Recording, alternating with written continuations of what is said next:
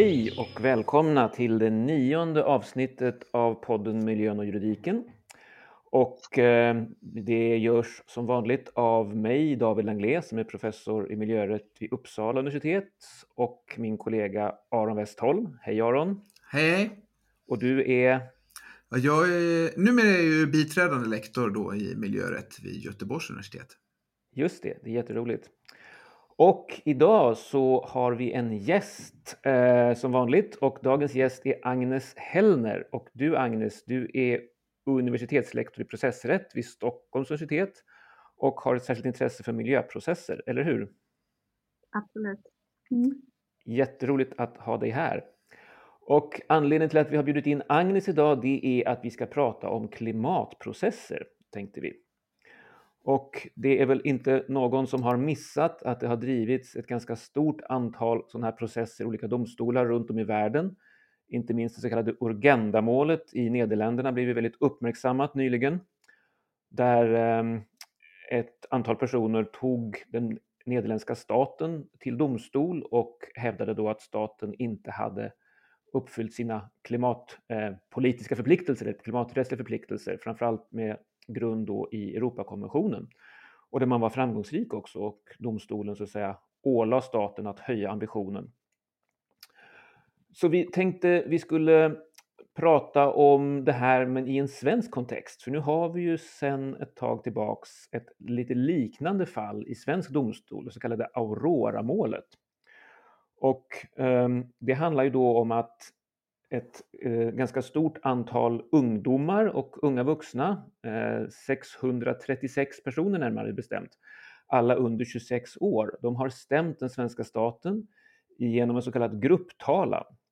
Och eh, det de vill då är att i första hand så ska det fastställas, den så kallade fastställelsetalan, vissa eh, förpliktelser som staten då har och i andra hand så är den så kallade eh, fullgörelsetalan som handlar om att staten ska säga, leverera vissa saker som de anser att den eh, klimatpolitik som Sverige driver idag inte lever upp till eh, vad man kan kräva juridiskt. Så att säga. Eh, Agnes, har du, det är mycket liksom juridik och processjuridik eh, kring det här. Vad är en fullgörelsetalan och en fastgör, fastställelsetalan och vad spelar det för roll? Och, um, grupptalan. Har du lust att, att liksom navigera oss lite in i den här terminologin? Ja, så, så käranden i det här målet yrkar ju då faktiskt in, inte, att, alltså, inte att det ska fastställa att staten har en skyldighet, utan att, att staten har kränkt kärnens rättigheter enligt EKMR. Um, ehm, och det är alltså en fastställelsetalan. Um, som är, och det, det, är det som de yrkar i första hand. Och det innebär då till skillnad från en fullgörelsetalan att man vill så att säga fastställa att det ligger till på ett visst sätt. Um, I det här fallet då att staten har kränkt vissa rättigheter. En fullgörelsetalan å andra sidan, det innebär um, typiskt sett att man yrkar att någon ska göra någonting, fullgöra någonting.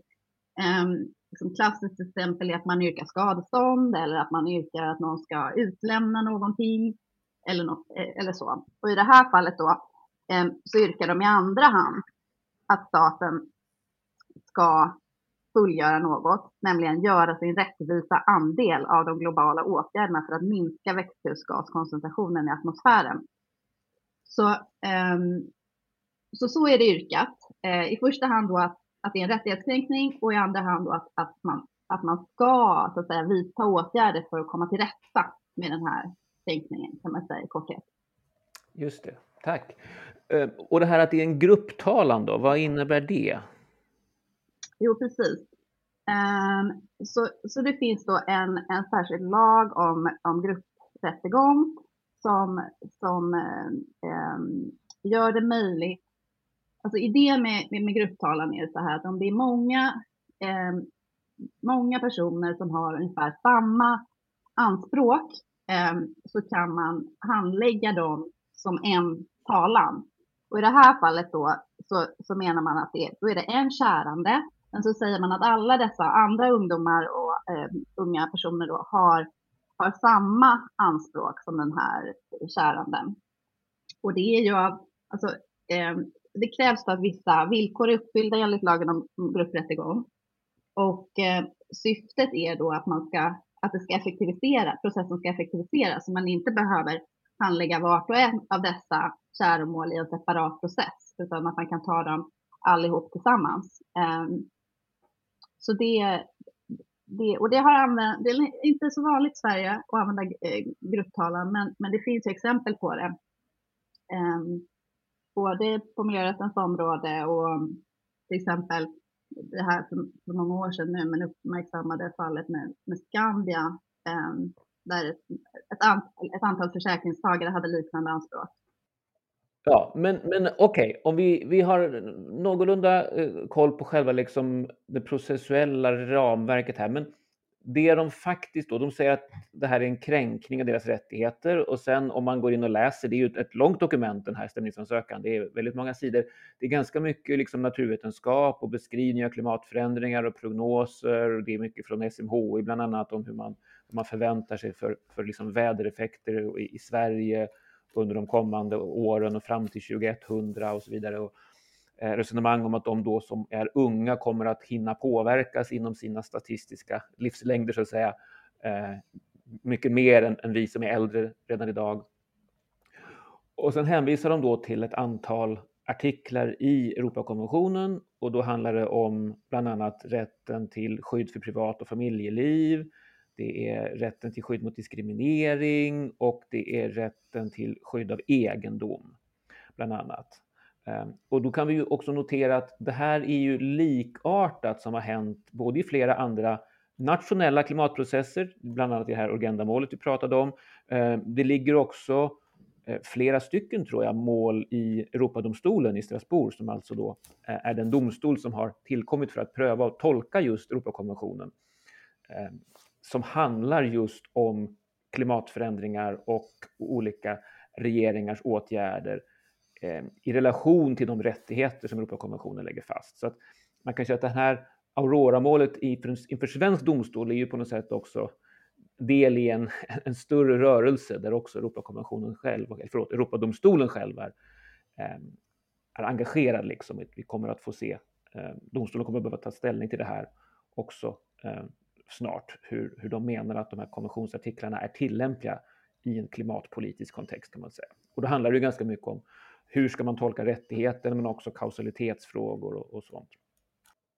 Är det någonting, eh, vill du fylla på något Agnes, har du några tankar om just den här liksom rättighetsdimensionen här, hur det kan tänkas påverka ett resonemang i en svensk domstol, att man bygger det på ja eh, nej, men det är ju som du säger. Jag, jag utgår från att, att eh, här när de har författat sin stämningsansökan, de har eh, lärt av andra mål eh, i andra länder och eh, för de argumenterar, de anför i, i, på många sätt li, samma grunder som man har gjort i andra mål, eh, till exempel Uganda, men ehm, också andra processer. Klimatsöksmålet i Norge, där var det i och för sig i huvudsak ehm, en nationell konstitutionell rättighet som lades till grund för talan. Ehm, men även EKMR argumenterade man utifrån i det fallet. Och eh, det dyker upp i en rad andra fall. Så, så, så här, eh, det kan man absolut se som liksom en, en ehm, en trend i det här, rättigheter överhuvudtaget, faktiskt inte bara EKMR utan också att man förlitar sig på, på rättigheter i, i nationell konstitutionell rätt. Um, um, I det här käromålet så, så hänvisar man ju bara till den första um, den, den bestämmelsen i regeringsformen som nämner ja, att det allmänna ska främja en hållbar utveckling som leder till en god miljö för nuvarande och kommande generationer. Det hänvisar man ju också till. Just det. det är mer en, en, mer en skyldighet för, för liksom staten, eh, men inte ja. formulerat riktigt som en rättighet för, för enskilda medborgare. I Nej, just det. Mm. Just det. Um, så, så, så på det sättet, och därför kan man också, tycker jag, liksom se de här målen, klimatprocesserna, eh, i, ett, i en bredare liksom, rättslig kontext som handlar om processer rörande rättigheter i vidare bemärkelse. För det har vi också sett i Sverige tidigare, alltså att, att EKMR har fått, ett allt, har fått allt större betydelse i processer. Um, Vi har ju till Mm. exempel nu fått att, att, man, att det utvecklas ett rättighetsskadestånd i Sverige. Ehm, som, det, är ju någonting som har skett under de senaste ja, typ 15 åren någonting. Ehm, så på det sättet, man kan, jag tycker man också kan koppla den här processen till, till den typen av processande som inte bara rör, eller som inte rör miljö utan som rör eh, andra frågor. Just det. Alltså man, historiskt så har vi ju ofta tänkt att i Sverige så har så alltså domstolarna befinner sig ganska långt ifrån politiken på något sätt och domstolarna är, ska inte vara en arena för polit, ja, så att säga, för, att, för att hantera politiskt laddade frågor på något sätt.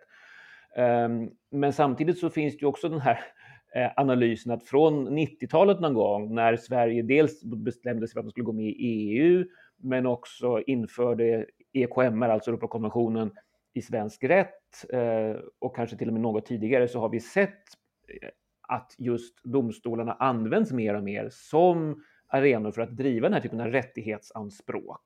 Och de kan ju ibland tolkas som liksom, eh, väldigt politiska på något sätt, men det handlar väl ofta om att de sätter fingret på eh, vad ska man säga, avvägningar och bedömningar där det kan finnas mycket, väldigt starka uppfattningar av olika slag. Och just äganderätt är väl egentligen kanske det område där det här först fick genomslag. Vi har ju ett antal mål i Sverige från, från 90-talet, eller ja, där Sverige har fällts i Europadomstolen, eh, som jag uppfattar som liksom en, en startskott på något sätt för att driva rättighetsfrågor eh, domstolsvägen och som också har förändrat, tror jag, synen på hela rättighetskonceptet på något sätt i, i Sverige, eller, eller som ett juridiskt koncept snarare än ett politiskt koncept bara.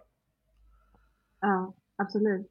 Um, Men jag tror att man, man tänkte ganska annorlunda på rättigheter i Sverige. Alltså för det första, så, så historiskt så, så finns det ju den här liksom arvet från så här Uppsala skolan och så vidare, att man inte, att man inte gillade att tala om rättigheter överhuvudtaget. Ehm, Förlåt, och då ska vi bara säga för lyssnare som Ja. inte är så insatta att Uppsala skolan, det är ju alltså en teoribildning inom så att säga, ju- juridisk forskning kan man säga, juridisk eh, teori, som väl Och filosofiskt. Ja, precis, politisk filosofi.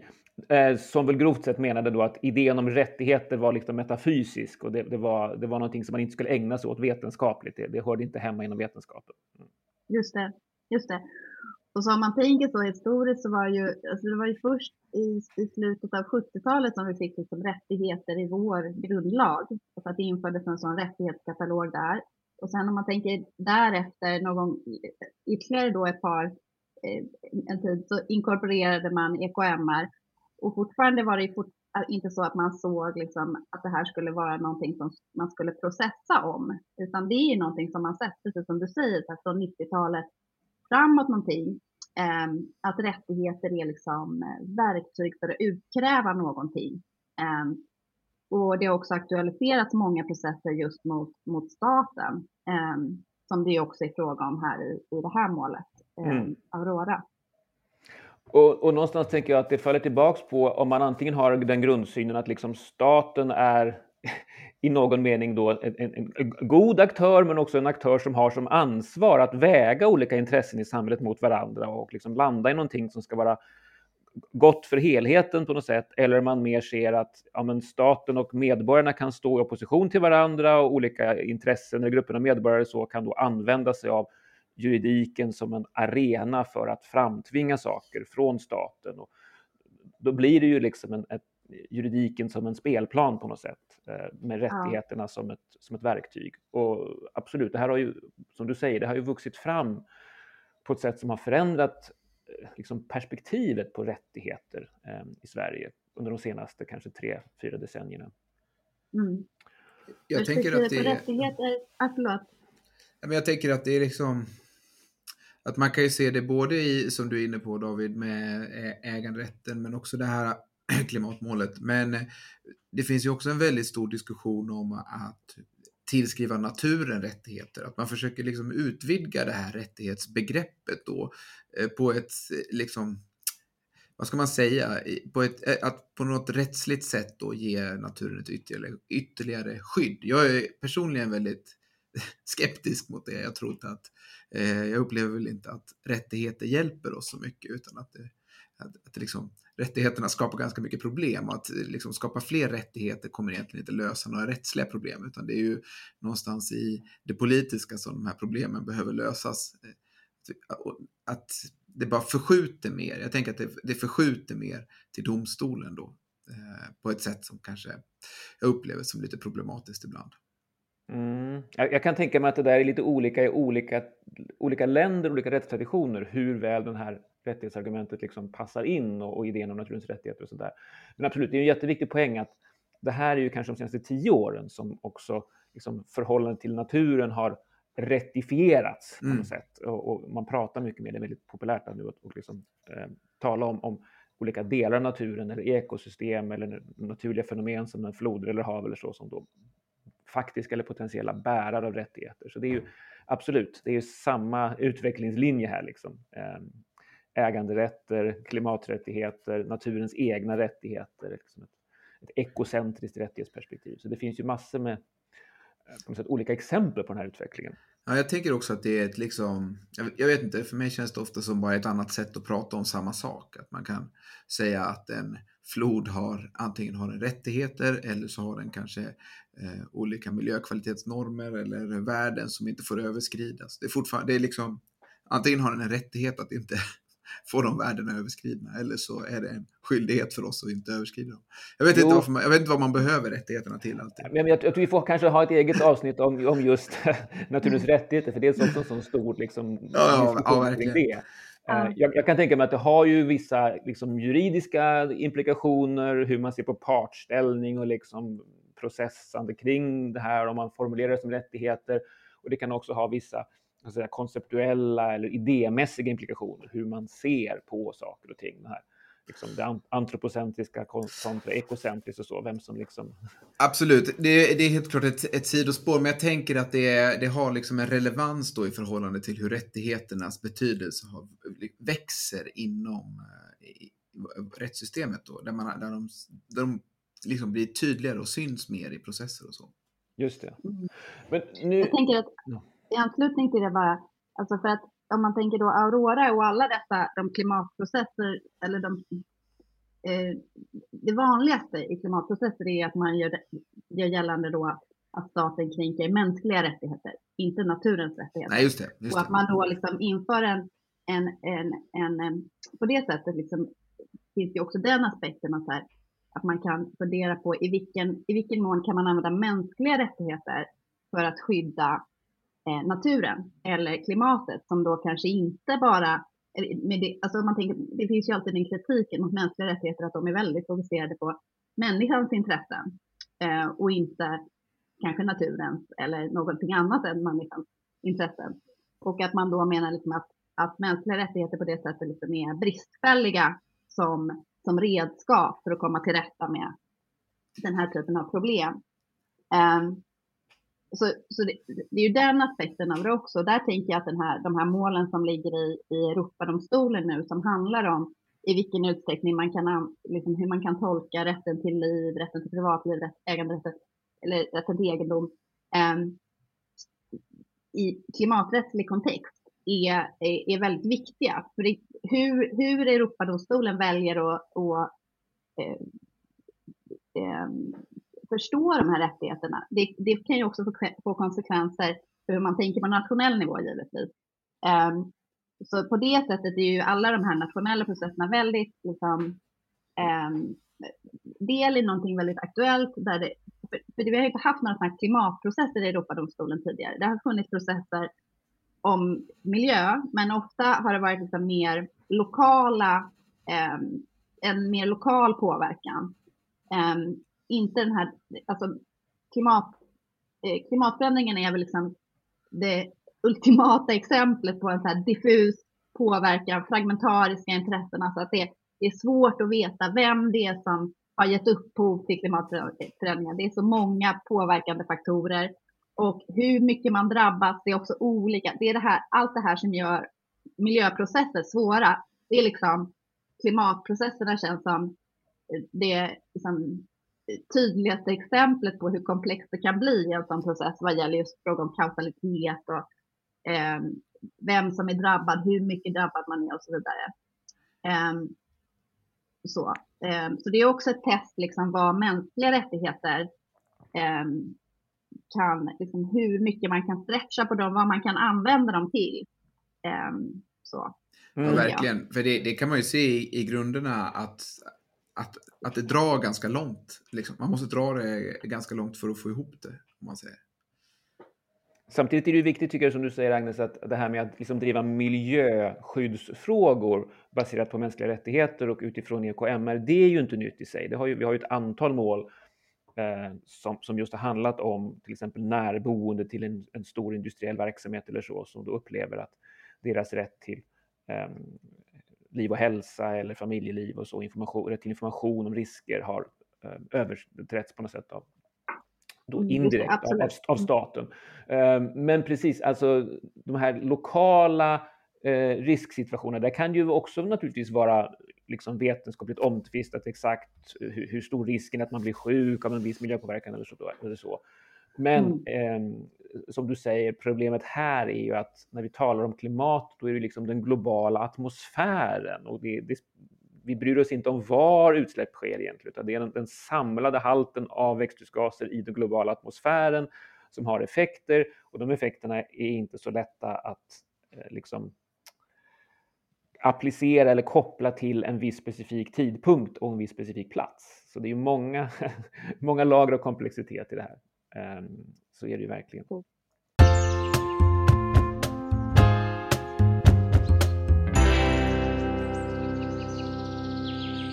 det reses ju ganska mycket liksom röster om att det här med klimatprocesser, ja men det, det är problematiskt för här har man förvandlat juridiken och domstolarna till en arena för någonting som egentligen borde vara politiskt. Uh, och det påminner ju lite om, Aron, det är inte liksom skepticism här mot naturens rättigheter och så liksom. Ja, um, det gör det. Och jag, men jag tänker också att, eh, eller eh, det är väl att det blir så tydligt, att det blir så synligt här. Men egentligen som du har varit inne på, eller ni har varit inne på innan, så har ju de här rättighetsfrågorna drivits i domstol i, i, i ganska många år. Och, och, det finns ju jättemånga olika typer av eh, Eh, processer som är mer eller mindre politiska, tänker jag. Det, här, det, här, det är bara att här kanske det synliggörs mest. Jag har ju någon idé om att det är, om, om, om att det kanske finns, om, om, man kan tänka sig att det är en flytande skala då, där, där klimatprocessen är det allra tydligaste. Eh, här vill vi driva igenom en agenda eh, genom ett rättsligt agerande. Men det kan ju också vara i en väldigt liten skala att någon eh, vill att Eh, myndigheterna ska driva igenom juridiken mer än vad som görs för tillfället. Och eh, man gör det genom att aktivt gå ut och inventera efter knärot vid varje avverkningsanmälan till exempel. Det är ju också ett sätt att försöka driva igenom en juridik som man eh, tycker borde funka eller tycker borde funka annorlunda. Och, det här, och, sen, och, och, och så finns ju allt däremellan såklart. Det kan ju vara eh, folk som driver på för, eh, eh, Skogsstyrelsen till exempel, som driver på för att få reda på hur juridiken ska tolkas. Alltså det kan ju, man skulle ju kunna säga att det här är bara ett sätt att få reda på hur, hur borde vi tolka juridiken. Jag vet inte. Och knärot är då en ja. rödlistad? Ja, precis. Det är en ja. nationellt fridlyst orkidé då som, man, Just det. Eh, som är väldigt liten och inte syns. och väldigt frustrerande om man då vill exploatera och väldigt trevlig om man vill slå vakt om biologisk mångfald. Sådär. Ja, precis. Eh, och, och liksom, det kanske är ett dåligt exempel, jag vet inte. Men jag bara tänker mig, jag, jag tänker på det som att liksom, när man vill få juridiken att fungera så som man själv tycker att den borde fungera.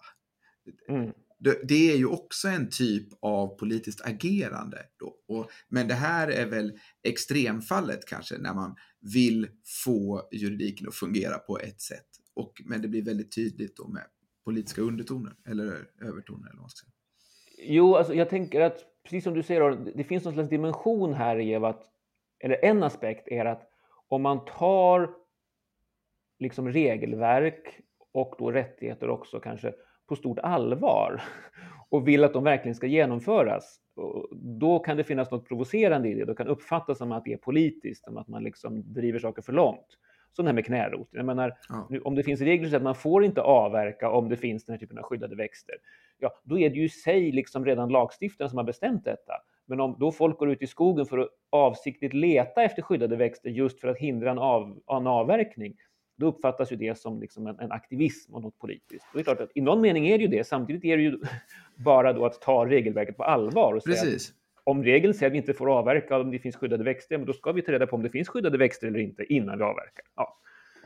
Uh, och mm. lite liknande med klimatprocesser kan man ju tycka att ja, men om vi nu har åtaganden på global nivå som säger att vi ska ha till exempel uh, 1,5 Eh, graders eh, antropogen klimatförändring helst, eller åtminstone klart under 2 eh, global antropogen klimatförändring, ja, då måste ju regeringar också sen i steg två liksom leverera och visa att de tar det på allvar och gör saker för att det här ska uppnås. Sen är naturligtvis mycket enklare i många avseenden att hitta eller inte hitta knärot på en viss fördefinierad fastighet jämfört med att diskutera då vad har en viss regering för skyldigheter avseende klimatet och dess effekter 50 år framåt i tiden och så vidare. Så det är ju, som jag sagt här, det liksom, kommer ju lager av komplexitet eh, på det när vi pratar klimat. Men i grunden kanske det är samma idé på något sätt, att vi vill ta, eller man vill ta politiska och juridiska utfästelser på allvar på något sätt och, och, och testa vad de faktiskt ska innebära då. Mm. Sen kommer ju den här kritiken då om att jo, men här är det ju, det måste ju vara en massa svåra politiska avvägningar eftersom det handlar om att man ska välja olika typer av instrument för att uppnå det här. Man ska välja liksom eh, man ska prioritera över tid. Hur mycket ska vi göra i närtid och vad ska vi tänka vi ska göra längre fram? Och vilka sektorer i samhället ska liksom bära huvuddelen av bördan och vilka ska dra nytta. Och, ja, det, det, blir så mycket, det blir så komplex av liksom bördor och nytta och så vidare som på något sätt ska fördelas eller förhandlas här i samhället. Och det kan man ju tycka typiskt sett då är en politisk fråga. Eh, och då kan ju komma en, en, en, kritik här att ja, men om det här läggs på domstolarna i stor utsträckning, då går det här helhetsperspektivet förlorat på något sätt. Eh, samtidigt kan jag tycka när jag tittar på många av de processerna så eh, tycker jag att kärandena många gånger, alltså de som vill att domstolen ska ta ställning till någonting, de är ganska måna om att inte försöka skriva staten på näsan liksom exakt vad som ska göras, utan mer lyfta en fråga om att det behöver vidtas mer åtgärder. Mm. Eh, och det tycker jag är tydligt här också, att eh, det handlar ju mycket om att man vill att det ska vara en, liksom, åtgärder baserade på den bästa tillgängliga vetenskapen och att de ska, det ska vara åtgärder som liksom på något sätt logiskt kopplar till de mål som politiken har ställt sig bakom. Men att man inte vill att domstolarna ska gå in och detaljstyra vad som ska göras. Liksom. Det handlar inte om att ta ställning mellan ja, olika energislag som vi har mycket i den svenska debatten just nu eller så. Det är inte det domstolen ska göra, uppfattar jag det som. Nej. Jag vet inte hur ni har... har jo, jag håller med jag, jag tänker att det, det, alltså som jag uppfattar i alla fall, just det här att, att, att de väljer en fastställelsetalan, att fastställa att staten har kränkt vissa rättigheter till, och inte en fullgörelsetalan som då skulle innebära eh, att man ska göra något. På, på, det viset lyfter de ju bort frågan om vad som ska göras från domstolen. Så det mm. tänker jag är ett exempel på så att man att, de, att, att eh, kärnorna här, här är, förhåller sig ju till den här kritiken, eh, tänker jag, om att, om att det är, är politiskt och försöker snarare liksom försöker eh, eh, undvika att försätta domstolen i en, i en sån liksom, situation som du sa. Um, um, och, och det, um, det, det, det, tror jag också är liksom um, någonting som eh, man alltså, de, de gör, jag tror de gör väldigt rätt i det. Strategiskt, för jag tror inte domstolar vill, eh, vill definiera innehållet i politiken. Och, men jag uppfattar inte heller att det är så som man, att det är det som efterfrågas här. Eh, utan det är snarare, det, det, här kopplar kanske också till vad, vad liksom kärnorna i sådana här processer vill uppnå. Alltså, eh, Aron, alltså det är en sak tänker jag att vilja så här, eh, det här, ta rättigheterna på allvar och se till att det skydd som lagen ger faktiskt, faktiskt eh, finns, liksom ges i verkligheten. Eh, och det, alltså, ehm, den typen av kontrollfunktion, att kontrollera så att säga att, att lagen efterlevs, den tänker jag, liksom, det är egentligen inte så nytt. Det är bara kanske frågan om vem det är som utkräver den här kontrollen. Mm. Alltså nu när vi har processer med, då kanske det är då mer miljöorganisationer eller eh, Eh, här då, medan man tidigare haft, kanske i Sverige i alla fall, liksom väldigt mycket fokus på, på tillsyn från, från myndigheter istället. Att man, att man har upp, liksom sett den uppgiften som myndigheterna. Um, och sen att vi har fått mer och mer av processer som, som, som en kontroll um, genom um, Europakonventionens liksom, genomslag och Europarätten, eller EU-rättens genomslag. Um, och att det också har bidragit då till en, att, att domstolarna har fått en mer rättsbildande roll. För, för ofta är ju de här liksom, rättigheterna mer öppet formulerade och att som i det här fallet då att det blir en väldigt, liksom, väldigt stora avvägningar som då hamnar i domstol. Ehm, ja, precis. Och rättigheter tänker jag ofta faller utanför tillsynen på, på något vis. Generellt. Ja. Men, ja, ja, men det är ju väldigt intressant. Är det, är det då, tänk, precis, men tänker du att det har vad tror du det beror på då, då, att det har blivit mer så? Att är det, om vi bortser från rättigheterna, men är det att det finns, det här är en svår fråga kanske, men är det att det finns mindre tillsyn eller att folk har blivit mer, kanske mer medvetna om att det här är ett sätt man kan agera på?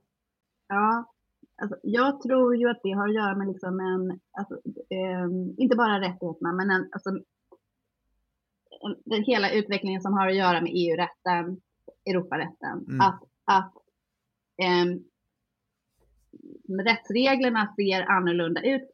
Rättskällorna är många fler än vad vi hade innan Sverige var medlem, medlem i EU. Eh, det finns många fler tolkningsfrågor och i EU och inom ramen för EKM så, så har ju domstolarna, EU-domstolen och Europadomstolen en väldigt central roll liksom, i att konkretisera tolka vad, eh, hur EU-rätten eller Europarätten ska, eller EKMR ska förstås. Och det här leder ju liksom till att, att enskilda, eh, om det är organisationer eller fysiska personer som processar, kan få genom sina processer så aktualiserar man en tolkningssituation som via eh, eh, antingen att man väcker talan i Europadomstolen eller via eh, via nationell domstol som ställer en fråga till EU-domstolen får en, att man genom processen kan få eh, rätten konkretiserad för sig. Så jag tänker att EU-rätten liksom uppmuntrar, mm. till, uppmuntrar enskilda att processa eh, om sina anspråk. Och, ehm, och sen har inte det lett, tycker jag, liksom uppfattar inte att det har lett till att, att vi i Sverige är så otroligt processbenägna. Men men det ger en möjlighet och det ger också en möjlighet just att processa om sådana här liksom mer, um, inte bara liksom enskilda intressen utan mer uh, så public interest litigation liksom får ett större, ett, mer utrymme um, än vad det hade tidigare. Um, så ja, jag skulle väl säga att det är det som är, och sen så också att man ser, man ser processer på andra områden och man ser att det här sker i andra länder. Och då, blir det, då är det inte konstigt att, man, att en, en motsvarande talan också växer i Sverige. Um, Nej, precis. Det tänker jag var en, en, en, naturlig liksom, fortsättning på någon typ av internationell utveckling. Verkligen. Mm. Men Sen tänker jag att, att, den juridiska dimensionen är väl kanske egentligen bara en del av det här. Vi ser ju hur mycket uppmärksamhet de här målen tenderar att få. Så mm. det blir ju också en, ett, en arena liksom för att lyfta ett, ett åsikt, ett perspektiv, en, en, liksom, ja, en, en berättelse på något sätt och få Absolut. ett genomslag som man kanske inte skulle få om man bara lyfter den som en politisk ståndpunkt eller en intresseperspektiv. Utan här kan man liksom koppla upp det på den här juridiska arenan på ett sätt som, som gör att det får en annan dignitet lite. Ja, det är ju, men det är ju en väldigt intressant fråga, tänker jag. För att det så här, ja, men deras argumentation som ni var inne på, den är ju rent rättslig. Den är väldigt rättslig. Så vad har, liksom, eh, hur ska det här tolkas? Men och det kan man väl såklart prata om hur ska domstolen användas på det viset, men för att driva det här. Men ska domstolen användas för att skapa en arena för större politisk debatt? Är det, är det så domstolen ska användas? Det, det kanske är en mer intressant fråga, tänker jag. Ja, samtidigt är ju det svårt att komma ifrån, tänker jag. Det, ja. det så länge domstolen finns där och man kan föra rättighetsargument i domstolen så kommer det ju rimligen att eller då, då liksom möjliggör eller bjuder in till det. Sen om vi pratar om, om liksom eh, risker eller problem och så. Vi sa att jo, men i de här målen så typiskt sett så är man inte ute efter att domstolarna ska fastställa exakt vad som ska göras, utan det handlar mer om att liksom, ehm, ja, tala om att man kanske behöver ha en högre ambitionsnivå eller sånt där. Ehm, det finns ju ändå något lite arbiträrt i det här om det i slutändan handlar då om de enskilda nationella rättssystemens liksom utformning och traditioner och så. Ehm, I mål mot staterna kanske det inte är så problematiskt, ehm, även om det kan ju resultera i att vissa länder då, där kan man enskilda driva fram ett, ett, liksom ambitionshöjning genom domstolar och juridik och de arenorna, medan i andra länder kan man inte göra det, eller regioner, och då, då kan man naturligtvis på något sätt resultera i en mindre optimal fördelning av liksom den här klimatambitionen än vad man skulle kunna göra politiskt. Samtidigt har ju politiken kanske visat då att den inte ofta eh, ja, den, brister liksom i samordningsmöjligheterna. Men det kommer ju också allt fler sådana här mål där man driver talan mot enskilda företag. Um, och nyligen så var det ett mål mot, nu kommer inte var det BP eller var det Shell, där man har stämt. I, var det också i Nederländerna eller? Ja, det var Shell, det var Shell just det. Ja. Och, och, och där kan man kanske mer se att det finns, en, det finns en risk på något sätt för att vissa länder eller vissa eh, Eh, företagskonstruktioner eller så möjliggör de här målen. Liksom. Och då kommer en större börda att läggas på de aktörerna medan andra aktörer då på något sätt slipper undan motsvarande eh, skyldigheter därför att den rättssystemet de verkar inte möjliggör det här eller de har en annan eh, ägandestruktur som inte inbjuder till det här och så vidare. Så där kan jag mer tycka att det finns en, en problematik i att det blir lite arbiträrt på något sätt. Och de här målen blir mer som någon slags symbolfunktion. Liksom. Man, man, man driver någonting för att visa på vad man tycker var ett fel i ett system. Men man är tvungen att välja ut någon enskild aktör som måltavla. Så där. Sen kanske det finns inte så anledning att tycka så himla synd om just styrelsen för Shell, men, men principiellt så kan man se att det finns en, en, ja. en risk här kanske. Liksom. Men, det, men, kan det också vara ett sätt att, alltså, det kan ju också vara ett sätt att liksom driva på utveckling som får efterverkningar i andra delar av samma bransch då? Eh, ja, ja, jo, men, det... men, det, men det, är det, det är det jag tänker, att, att det blir liksom, man måste välja någon aktör och, och göra som i någon mening symbol, men också väldigt konkret och rättsligt liksom Eh, svarande i en process. Men det man egentligen vill är kanske mer en systemförändring.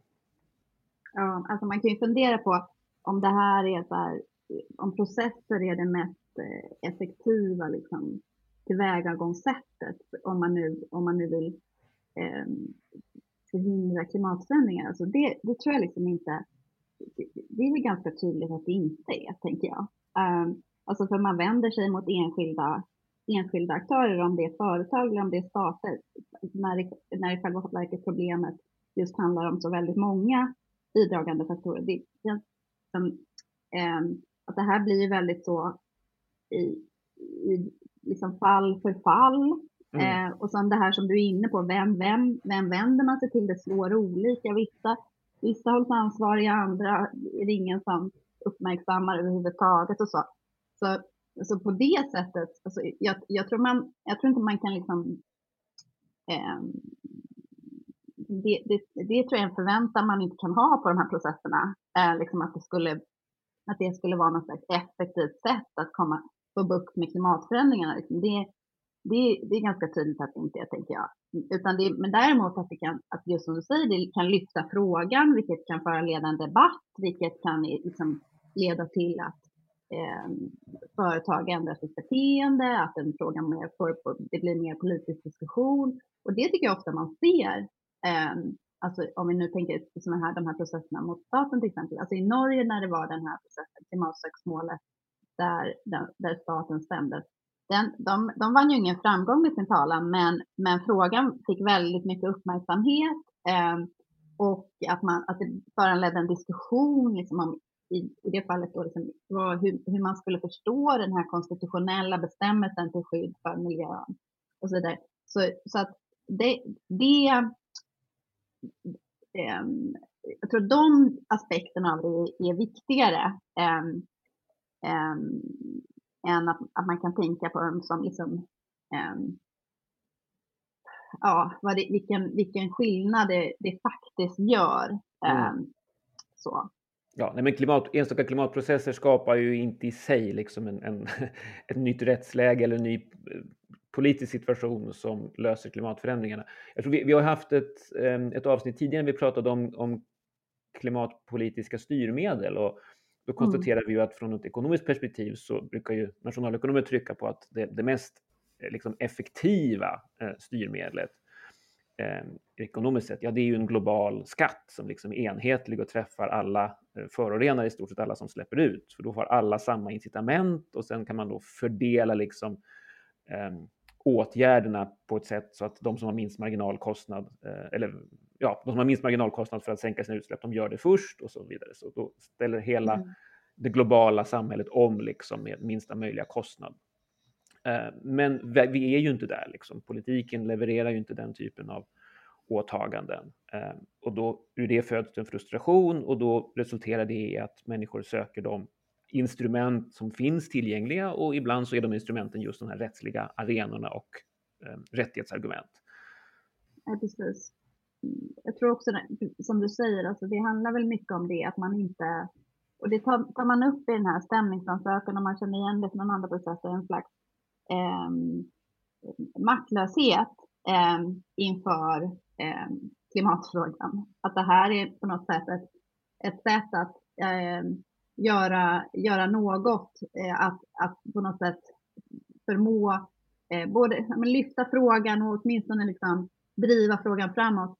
Um, så jag tänker att det också nästan kan ha den typen av lite terapeutisk funktion. Um, um, kanske. Mm, verkligen, det tror jag absolut. Mm. Ja, det talar de uttryckligen om i, i det här målet att uh, den här kränkningen delvis handlar då om liksom, psykiskt uh, ja, vad heter det, skada på det psykiska välmåendet liksom. Ja. Just de här ungdomarna. Ja. Ja, men väldigt spännande diskussioner. Verkligen, det, det, finns väldigt mycket att säga. Det känns också som att det är lätt att flyta iväg åt olika håll när man tänker på mm. Kanske det. Ja, det är väldigt, väldigt rikt. Man skulle, det, man, kan, man skulle kunna eh, ha flera, det finns många vägskäl, så man kan gå åt olika håll hela tiden. Sen, ja. ja, verkligen. Ja, eh, vi ska strax avrunda, men jag tänkte bara för att återgå till det här liksom konkreta Aurora-målet nu som ligger i, och ska avgöras av svensk domstol. Agnes, vågar du på någon form av prognos? Liksom? Hur, hur, hur, kan man, vad kan man tro om utfallet av ett sånt här rättighets, klimaträttighetsargument i en svensk domstol? Ja, nej men det, um, alltså i och med att det här målet är sitt, det första i sitt slag i Sverige eh, så finns det, det är ganska många frågor liksom som, som domstolen måste ta tag i. Bara den här frågan om man till exempel kan föra en fastställelsetalan om det här. Det, liksom, det, blir, det är någonting nytt för domstolen att ta ställning till, eh, till exempel. Så det finns ju många, liksom, det är många frågor på vägen innan man ens prövar målet i sak. Alltså mm. prövar fall, fall det här verkligen är en kränkning eller inte. Um, så, så, så det är mång, på det sättet så är det liksom många frågor att, beta av, vilket gör att det är lite svårt att ge en prognos. Men, men alltså så här. Um, egentligen, så eftersom alltså motsvarande mål i andra länder har haft framgång. Um, så jag tror, tycker inte man kan liksom helt avskriva möjligheten att man skulle vinna framgång. Däremot så, så um, och, och, och också, jag ska säga det också, att, att jag tycker den här stämningsansökan, den är ju väldigt liksom, väl genomarbetad. De har gjort ett gediget arbete. Ehm, så det gör också att det går inte att avfärda på något enkelt sätt. Ehm, jag, tycker, jag, jag, tror nog att domstolen har någonting att bita i här. Ehm, och, och så får man väl också se det som så att om, de, om, om det här målet tas upp till prövning i sak, då är det i sig en stor framgång, tänker jag. Oavsett utgången i målet så att man får upp det här till prövning i sak för första gången i Sverige skulle vara en framgång. Så på det sättet så tror jag, eh, så tror jag liksom att det kan vara en framgångsrik talan. Sen att, att de vinner full, framgång fullt ut, eh, det skulle jag liksom inte satsa pengar på. Eh, så. Ja, för det, det, det, krävs, det, det krävs liksom Um, jag tror att man behöver kanske processa fler gånger, um, kanske liksom nå, det, det, är också det här lite att de kanske, man skulle kanske behöva ha flera processer och vinna framgång liksom, över tid eh, snarare än i första målet så att säga. Om man jämför med hur andra aktörer har processat strategiskt på olika områden, då kan man behöva ta liksom, och förlora ett mål eh, och komma tillbaka. Så, så, så på det sättet tänker jag mer att det kan liksom vara en framgång över tid Eh, även om, det inte, om man inte vinner framgång i det här liksom direkt. Eh, så. Mm. Spännande. Ja, under alla omständigheter så, så, är det här väldigt juridiskt intressant förstås och det finns alla anledning att, att följa utvecklingen kring, de här, eh, kring det här målet och andra liknande mål också. Med det sagt så blir det tid för oss att avrunda och tacka så hemskt mycket. Tack Agnes för att du ville komma och dela med dig av dina kunskaper idag. Ja, tack så jättemycket. Superkul tack att prata. Ja, jättespännande mm. samtal. Tack också till er som har lyssnat. Hoppas ni har uppskattat det här och eh, vi hörs snart igen. Hej då! Hej då! Hej då!